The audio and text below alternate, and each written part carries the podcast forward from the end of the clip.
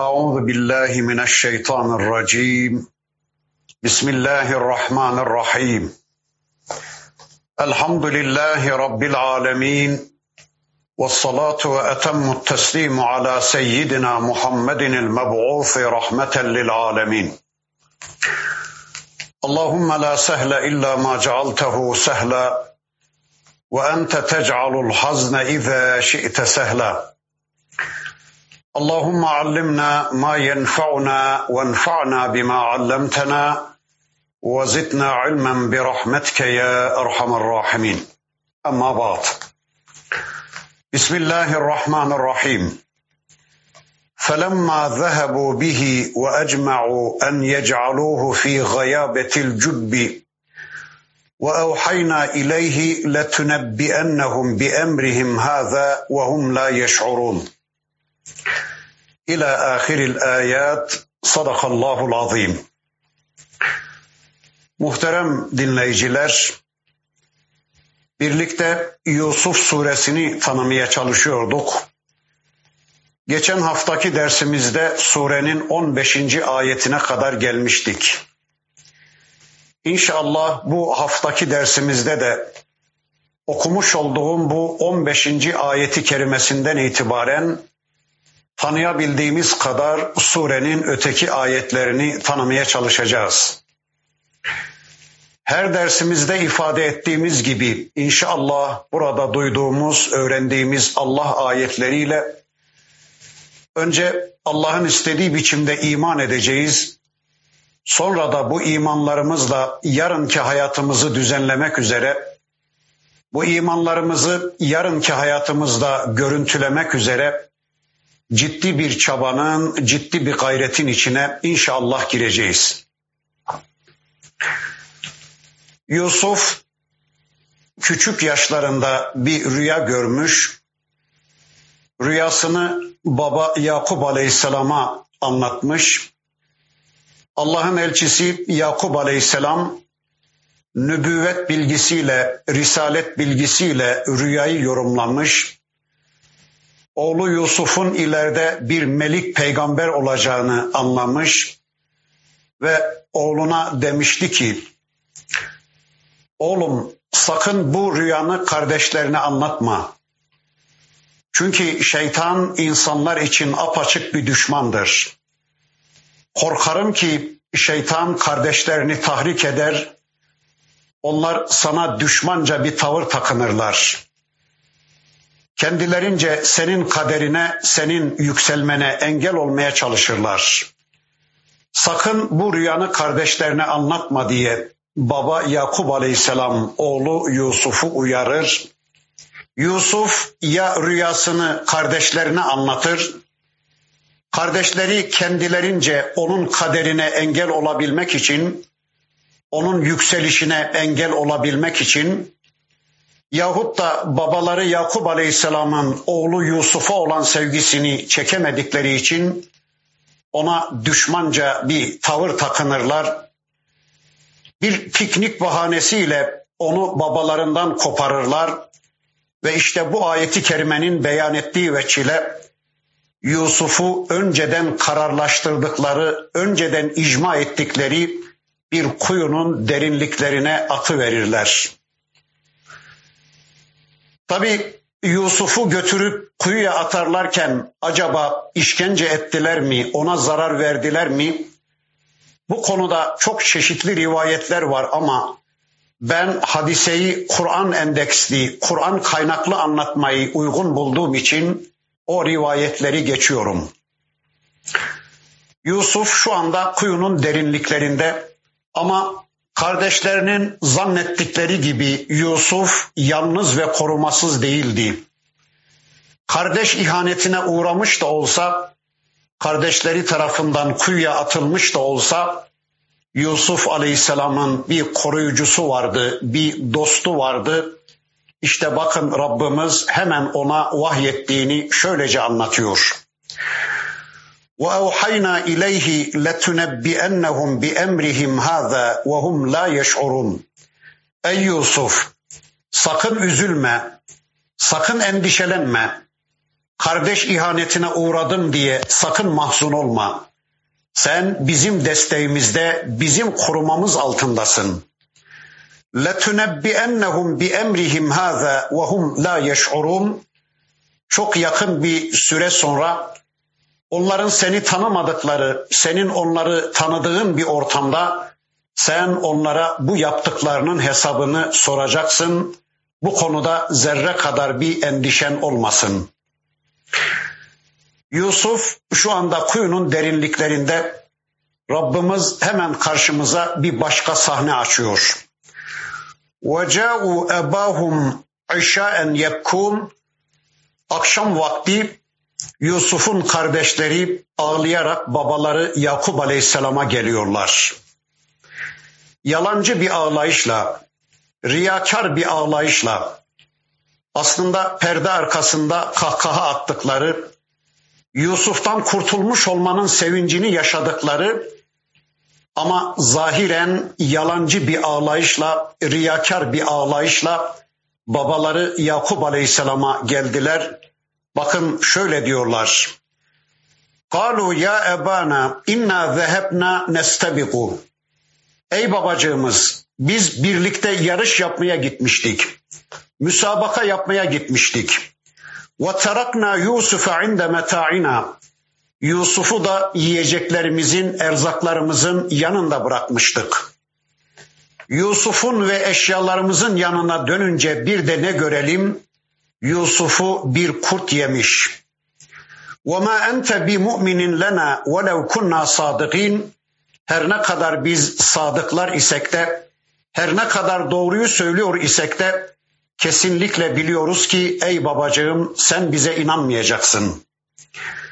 Babaları Yakup Aleyhisselam'ın kendilerine inanmayacağını onlar da biliyorlardı. وَجَاءُوا عَلَى قَمِيصِهِ بِدَمٍ كَذِبٍ ve Yusuf'un kanlı gömleğini getirip babaları Yakup Aleyhisselam'ın önüne attılar. Dediler ki işte bu oğlun Yusuf'un kanlı gömleği. Bir kuş mu kestiler? Bir hayvan mı öldürüp onun kanını Yusuf'un gömleğine bulaştırdılar? Böylece yalancı bir kanla Yusuf'un gömleğini getirip babaları Yakup Aleyhisselam'ın önüne attılar. Güya bu gömlek yalanlarının şahidi olacaktı. Bu gömlek Yusuf'un bir kurt tarafından yenmiş olduğunun kanıtı olacaktı.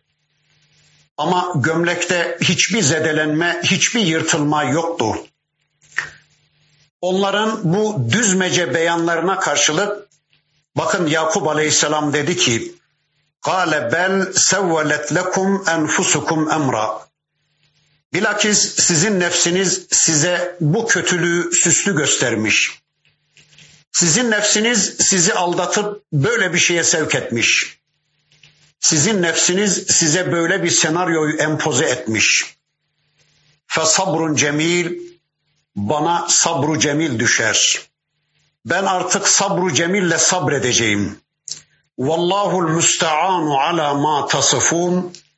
Sizin bu sözlerinize karşılık ben Allah'a sığınıyorum. Allah'tan yardım istiyorum. Gerek kendi kaderim, gerekse oğlum Yusuf'un kaderi konusunda ben Rabbimin hayırlar yaratmasını diliyorum. Evet, anlıyoruz ki Allah'ın elçisi Yakup Aleyhisselam oğullarının bu düzmece yalanlarına inanmadı. Hatta rivayetlere göre oğlu Yusuf'un kanlı gömleğini şöyle eline alıyor. Bakıyor ki gömlekte hiç zedelenme, yırtılma yoktur. Diyor ki bu nasıl akıllı bir kurtmuş ki oğlumu yemiş de gömleğine hiç dokunmamış. Bu nasıl merhametli bir kurtmuş ki içindekini yemiş de dışındakine hiç dokunmamış diyor ve oğullarının bu düzmece yalanlarına inanmıyor. Ama Yakup Aleyhisselam'ın yapabileceği bir şey de yoktur. O da Allah'ın kaderine teslim oluyor ve bakın diyor ki fesabrun cemil.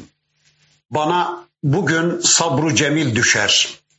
Ben artık sabru cemille sabredeceğim. Peki ne demekti sabru cemil?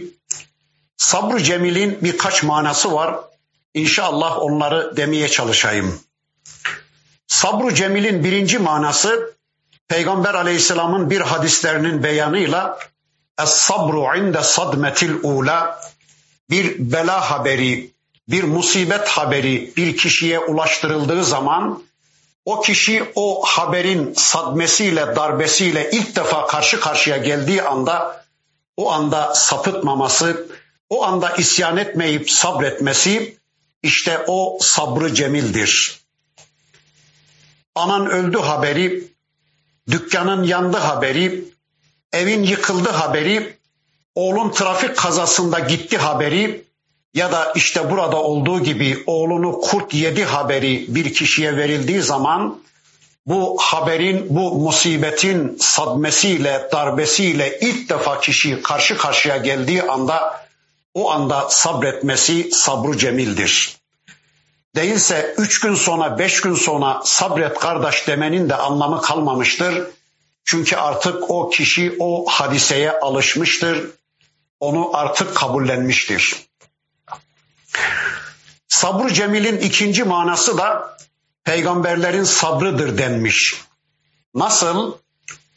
Tüm dünya düşman kesilse de, tüm dünya bir kişinin üzerine yürümüş olsa da ya da tüm dünya çiçek yağdırsa da, tüm dünya alkışa boğsa da bir kişinin kulluğunda değişiklik yapmamasının adına sabru cemil denir.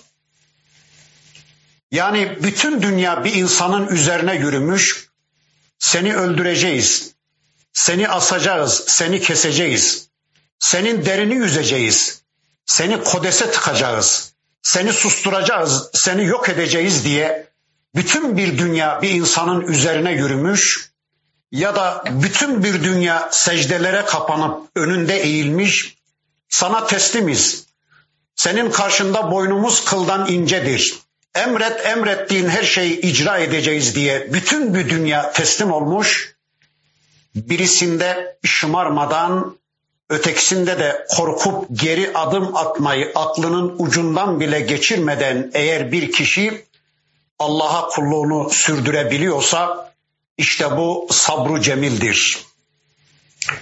Mesela kınayanların kınamasına aldırış etmeden kem bakışlar altında cadde ortasında bir mümin pardüsüsünü serip eğer namaz kılabiliyorsa işte bu sabru cemildir.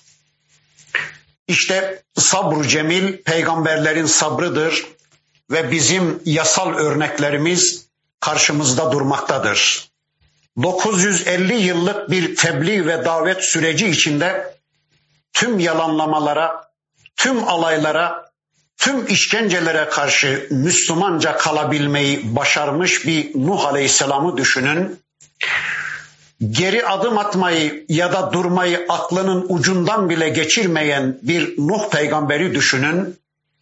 Veya askerlerinin, arkadaşlarının her bir merhalede elekten elenir gibi elenmesine, kendisini terk etmelerine karşılık zerre kadar geri adım atmayı aklının ucundan bile geçirmeden Calut karşısında az bir güçle savaşan bir Talut'u düşünün veya belinden testereyle biçilen bir Zekeriya peygamberi boynu kılıçla kesilen bir Yahya aleyhisselamı gözünüzün önüne getirin veya cinsel ahlaksızlığı Allah'a ve elçisine kafa tutacak seviyeye çıkarmış toplumu karşısında kızlarını bile teklif edecek kadar bunaldığı halde yine de Allah'a kulluktan vazgeçmeyen, durmayı ya da geri adım atmayı aklının ucundan bile geçirmeyen bir Lut aleyhisselamı düşünün veya zalim Firavun'un zulmüne karşılık kendilerini kurtarmaya geldiği İsrailoğullarının vurdum duymaz tavırlarına karşılık geri adım atmayı aklının ucundan bile geçirmeden kavgasını sürdüren bir Musa Aleyhisselam'ı düşünün.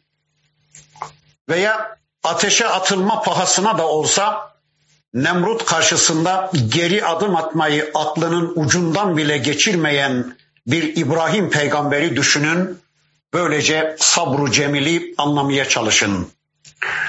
Öyleyse sabru cemil tüm dünya düşman kesilse de tüm dünya alkışlasa da şımarmayan, korkmayan, Allah'a kulluğunda değişiklik yapmayan kişinin eylemidir.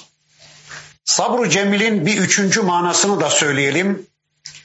Allah bir kulu nasıl imtihan etmişse, Allah bir kula hangi imtihan sorularını göndermişse, kulun onlara sabretmesi, hoş bakması, itiraz etmemesi, Allah'ın takdirine karşı gelmemesi sabru cemildir. İşte şu anda tüm yeryüzü bir imtihan salonu ve 6 milyar insan şu anda imtihanda. Fakat dikkat ederseniz herkesin imtihan soruları farklıdır. Mesela Allah birine beş tane kız çocuğu vermiş, hiç erkek evladı vermemiş, onu öyle imtihan ediyor. Onun imtihan soruları öyledir. Kimilerini bir çadırla imtihan ediyor, kimilerini kör imtihan ediyor, kimilerini sağır imtihan ediyor, kimilerini dilli, kimilerini elli, kimilerini elsiz imtihan ediyor. İşte bir kulun bunları bana Rabbim münasip gördüğüne göre en mütenasibini Rabbim yapar. En uygununu Rabbim yapar. Bu imtihan sorularını bana uygun gördüğüne göre, bana münasip gördüğüne göre demek ki benim için en hayırlısı buymuş diye eğer bir kul Allah'ın takdirine razı olur, kendisi için Allah tarafından tahsis edilmiş imtihan sorularına hoş bakar, isyan etmezse işte bu da sabru cemildir. Evet Allah'ın elçisi Yakup Aleyhisselam diyor ki ben sabru cemille sabredeceğim. İnşallah biz de sabru cemille sabreden kullardan olalım. Surede göreceğiz ki kimi ayetler, kimi kavramlar tekrar tekrar gündeme getirilecek. Onlardan bir tanesi sabru cemil kavramıdır. Bakın burada bir kere zikredildi. Surenin ilerleyen bölümlerinde bir daha gelecek. Rüya da öyle. Birincisi Yusuf Aleyhisselam'ın küçük yaşlarda gördüğü ve babasına anlattığı rüyası. İkincisi kralın rüyası. Allah krala bir rüya gösterecek. Kral çevresindeki danışmanlarını, din adamlarını, ruhbanları, azizleri, keşişleri toplayacak. Şu benim rüyamı bir yorumlayın diyecek. Ama onların hiçbirisi kralın rüyasını yorumlayamayacak. Rüyanın içinden çıkamayacak. Allah onları Yusuf Aleyhisselam'a muhtaç edecek. Yusuf Aleyhisselam Allah bilgisiyle, vahiy bilgisiyle o rüyayı yorumlayacak. Üçüncüsü de zindan arkadaşları gördükleri ya da uydurdukları bir rüyayla Yusuf Aleyhisselam'a gelecekler ve Yusuf Aleyhisselam onların rüyasını da yorumlayacak. Yine gömlek de bu surede üç defa gelecek. Yine inil hukmu illa lillah ayeti hüküm sadece Allah'a aittir. Hakimiyet sadece Allah'ın hakkıdır. Göklerde ve yerde Allah'ın egemenliğine ortak yoktur ifadesi bu surede iki defa gelecek. Birisi Yusuf Aleyhisselam'ın zindan arkadaşlarına davetini sürdürürken söylediği ifade, ötekisi de Yakup Aleyhisselam'ın oğullarına söylediği ifadedir.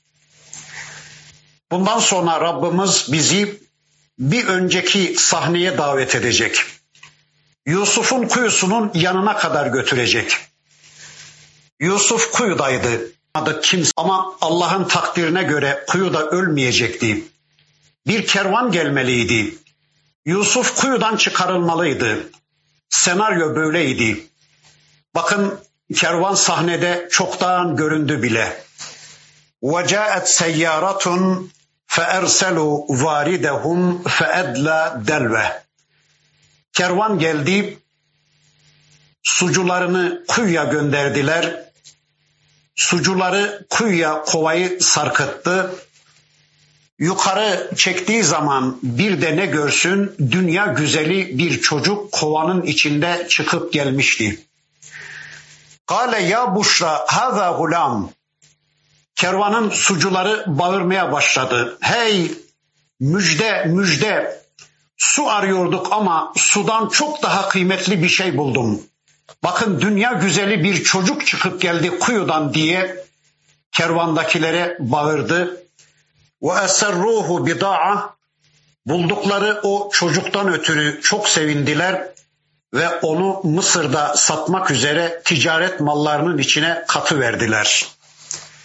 Vallahu alimun bima ya'melun ama onların ne yapıp ettiklerini en iyi bilen Allah'tı.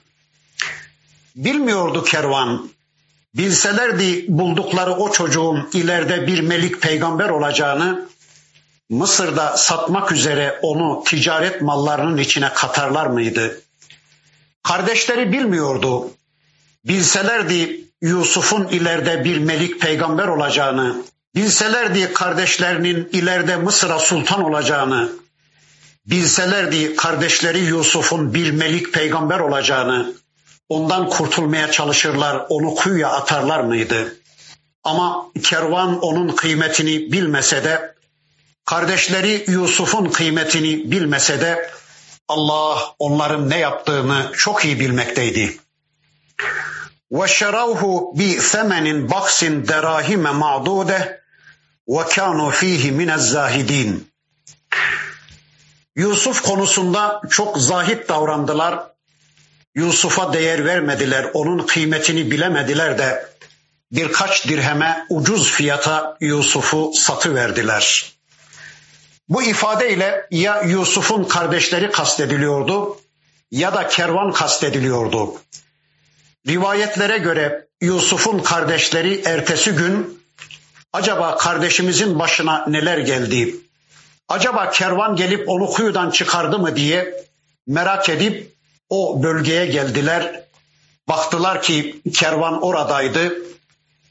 Yusuf'u araştırdılar. Baktılar ki Yusuf da kervanın ticaret mallarının içindeydi.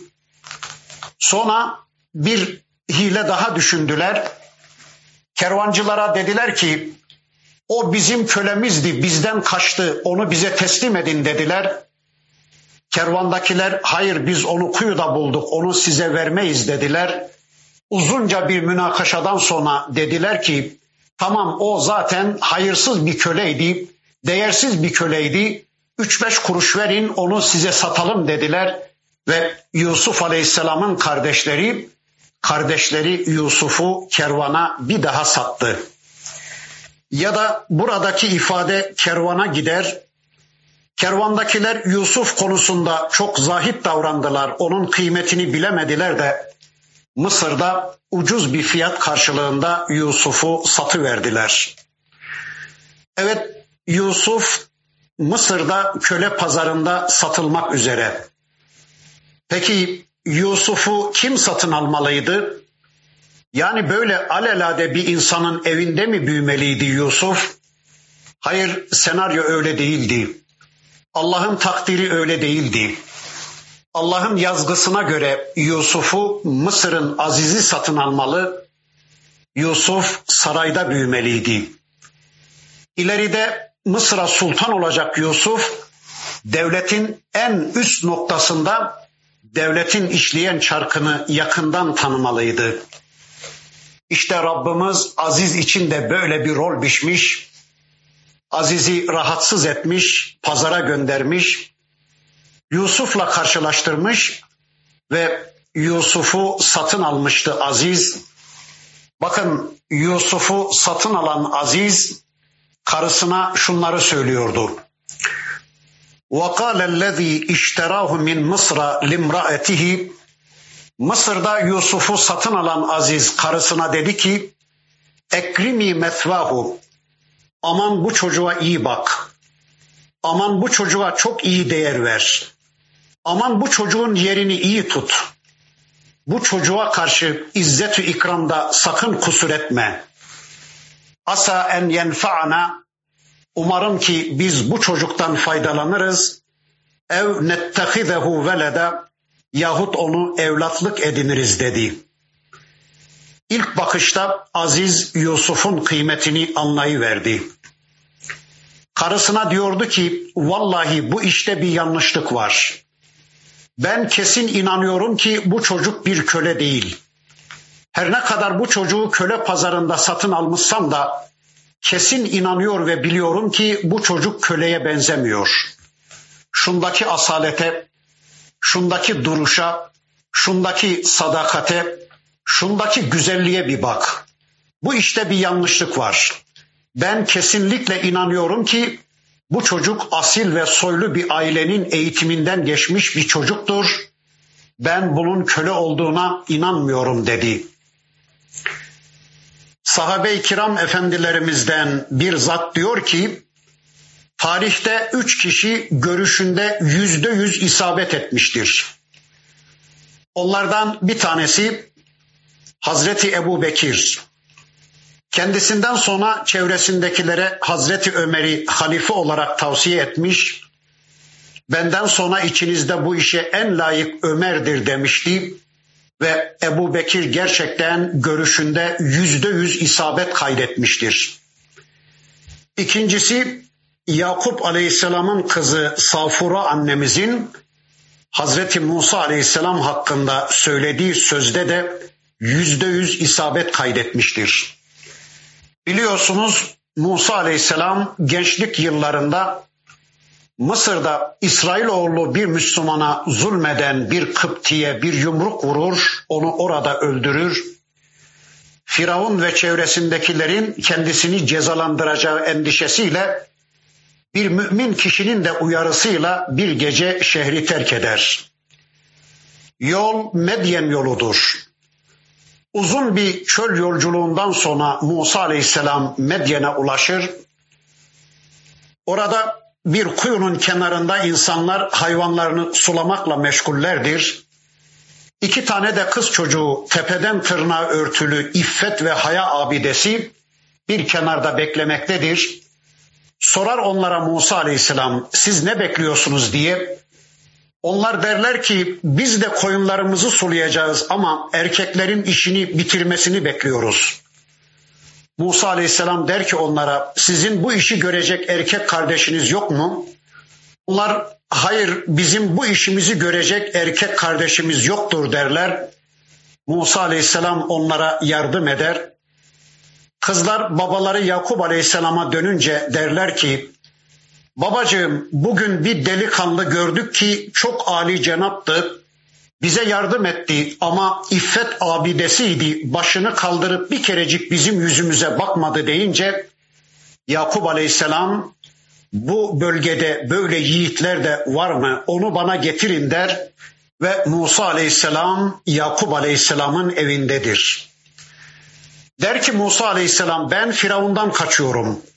Saklanacak, gizlenecek bir yer arıyorum der ve Yakup Aleyhisselam'ın kızı Safura annemiz babası Yakup Aleyhisselam'a der ki babacığım ücretli tutacaklarının en emini en kavisi budur der ve ilk görüşte Musa Aleyhisselam'ın kıymetini bilir ve görüşünde yüzde yüz isabet eder. Görüşünde yüzde yüz isabet kaydeden tarihte üçüncü insan da işte burada anlatılan Aziz'dir Yusuf Aleyhisselam'ı ilk görüşte onun kıymetini bilir. Allah'a yemin ederim ki bu bir köle değildir. Bu asil ve soylu bir ailenin yetiştirdiği bir çocuktur der. Böylece görüşünde yüzde yüz isabet eder. Allah diyor ki bakın ve kezalike mekkenna li Yusufe fil ardı. İşte böylece biz Yusuf'u yeryüzünde sağlam bir biçimde temekkün ettirip yerleştirdik.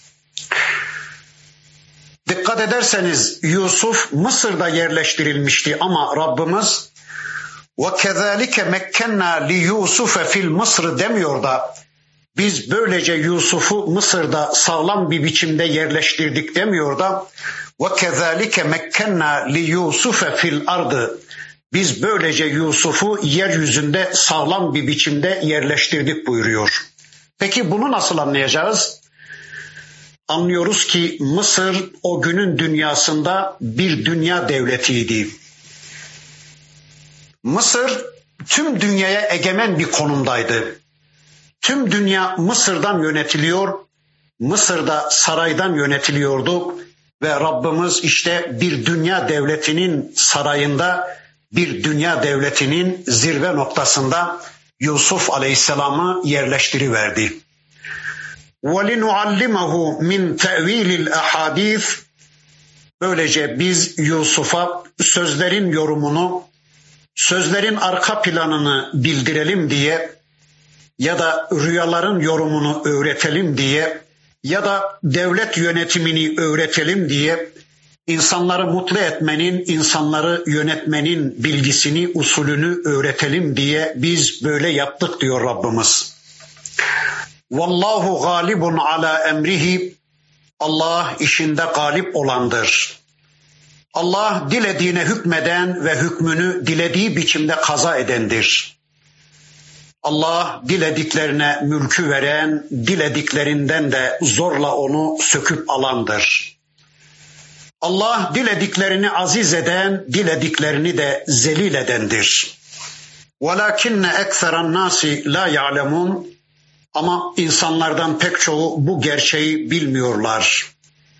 İnsanlardan pek çoğu Allah'ın gücünü, kudretini bilmiyorlar. İnsanlardan pek çoğu Allah'ı hesaba katmıyorlar. İnsanlardan pek çoğu Allah'ın takdirini hesaba katmıyorlar. Allah'tan habersiz, Allah'tan bağımsız bir hayat yaşayacaklarını zannediyorlar. وَلَمَّا بَلَغَ اَشُدَّهُ آتَيْنَاهُ حُكْمًا وَعِلْمًا Ne zaman ki Yusuf sarayda olgunluk çağına ulaştı, biz ona hüküm ve ilim verdik. Biz ona hikmet ve ilim verdik. Böylece Yusuf'u elçi yaptık, peygamber yaptık. Ve kezalike neczil muhsinin işte biz muhsinleri Allah'ı görüyormuşçasına ona teslim olanları Allah karşısında esas duruşunu muhafaza edenleri Allah'ın kaderine teslim olanları Allah'ın takdirine razı olanları böylece mükafatlandırırız. Onların ecirlerini, mükafatlarını asla zayi etmeyiz diyor Rabbimiz. Bundan sonra sarayda Yusuf Aleyhisselam Aziz'in karısıyla bir imtihana çekilecek. Ama biz burada kalıyoruz. Bundan sonraki bölümü tanımak için önümüzdeki hafta tekrar bir araya gelmek üzere Allah'a emanet olun. Subhaneke Allahumma ve bihamdik. Eşhedü en la ilahe illa ente estağfiruke ve etubu ileyk. Velhamdülillahi Rabbil alemin.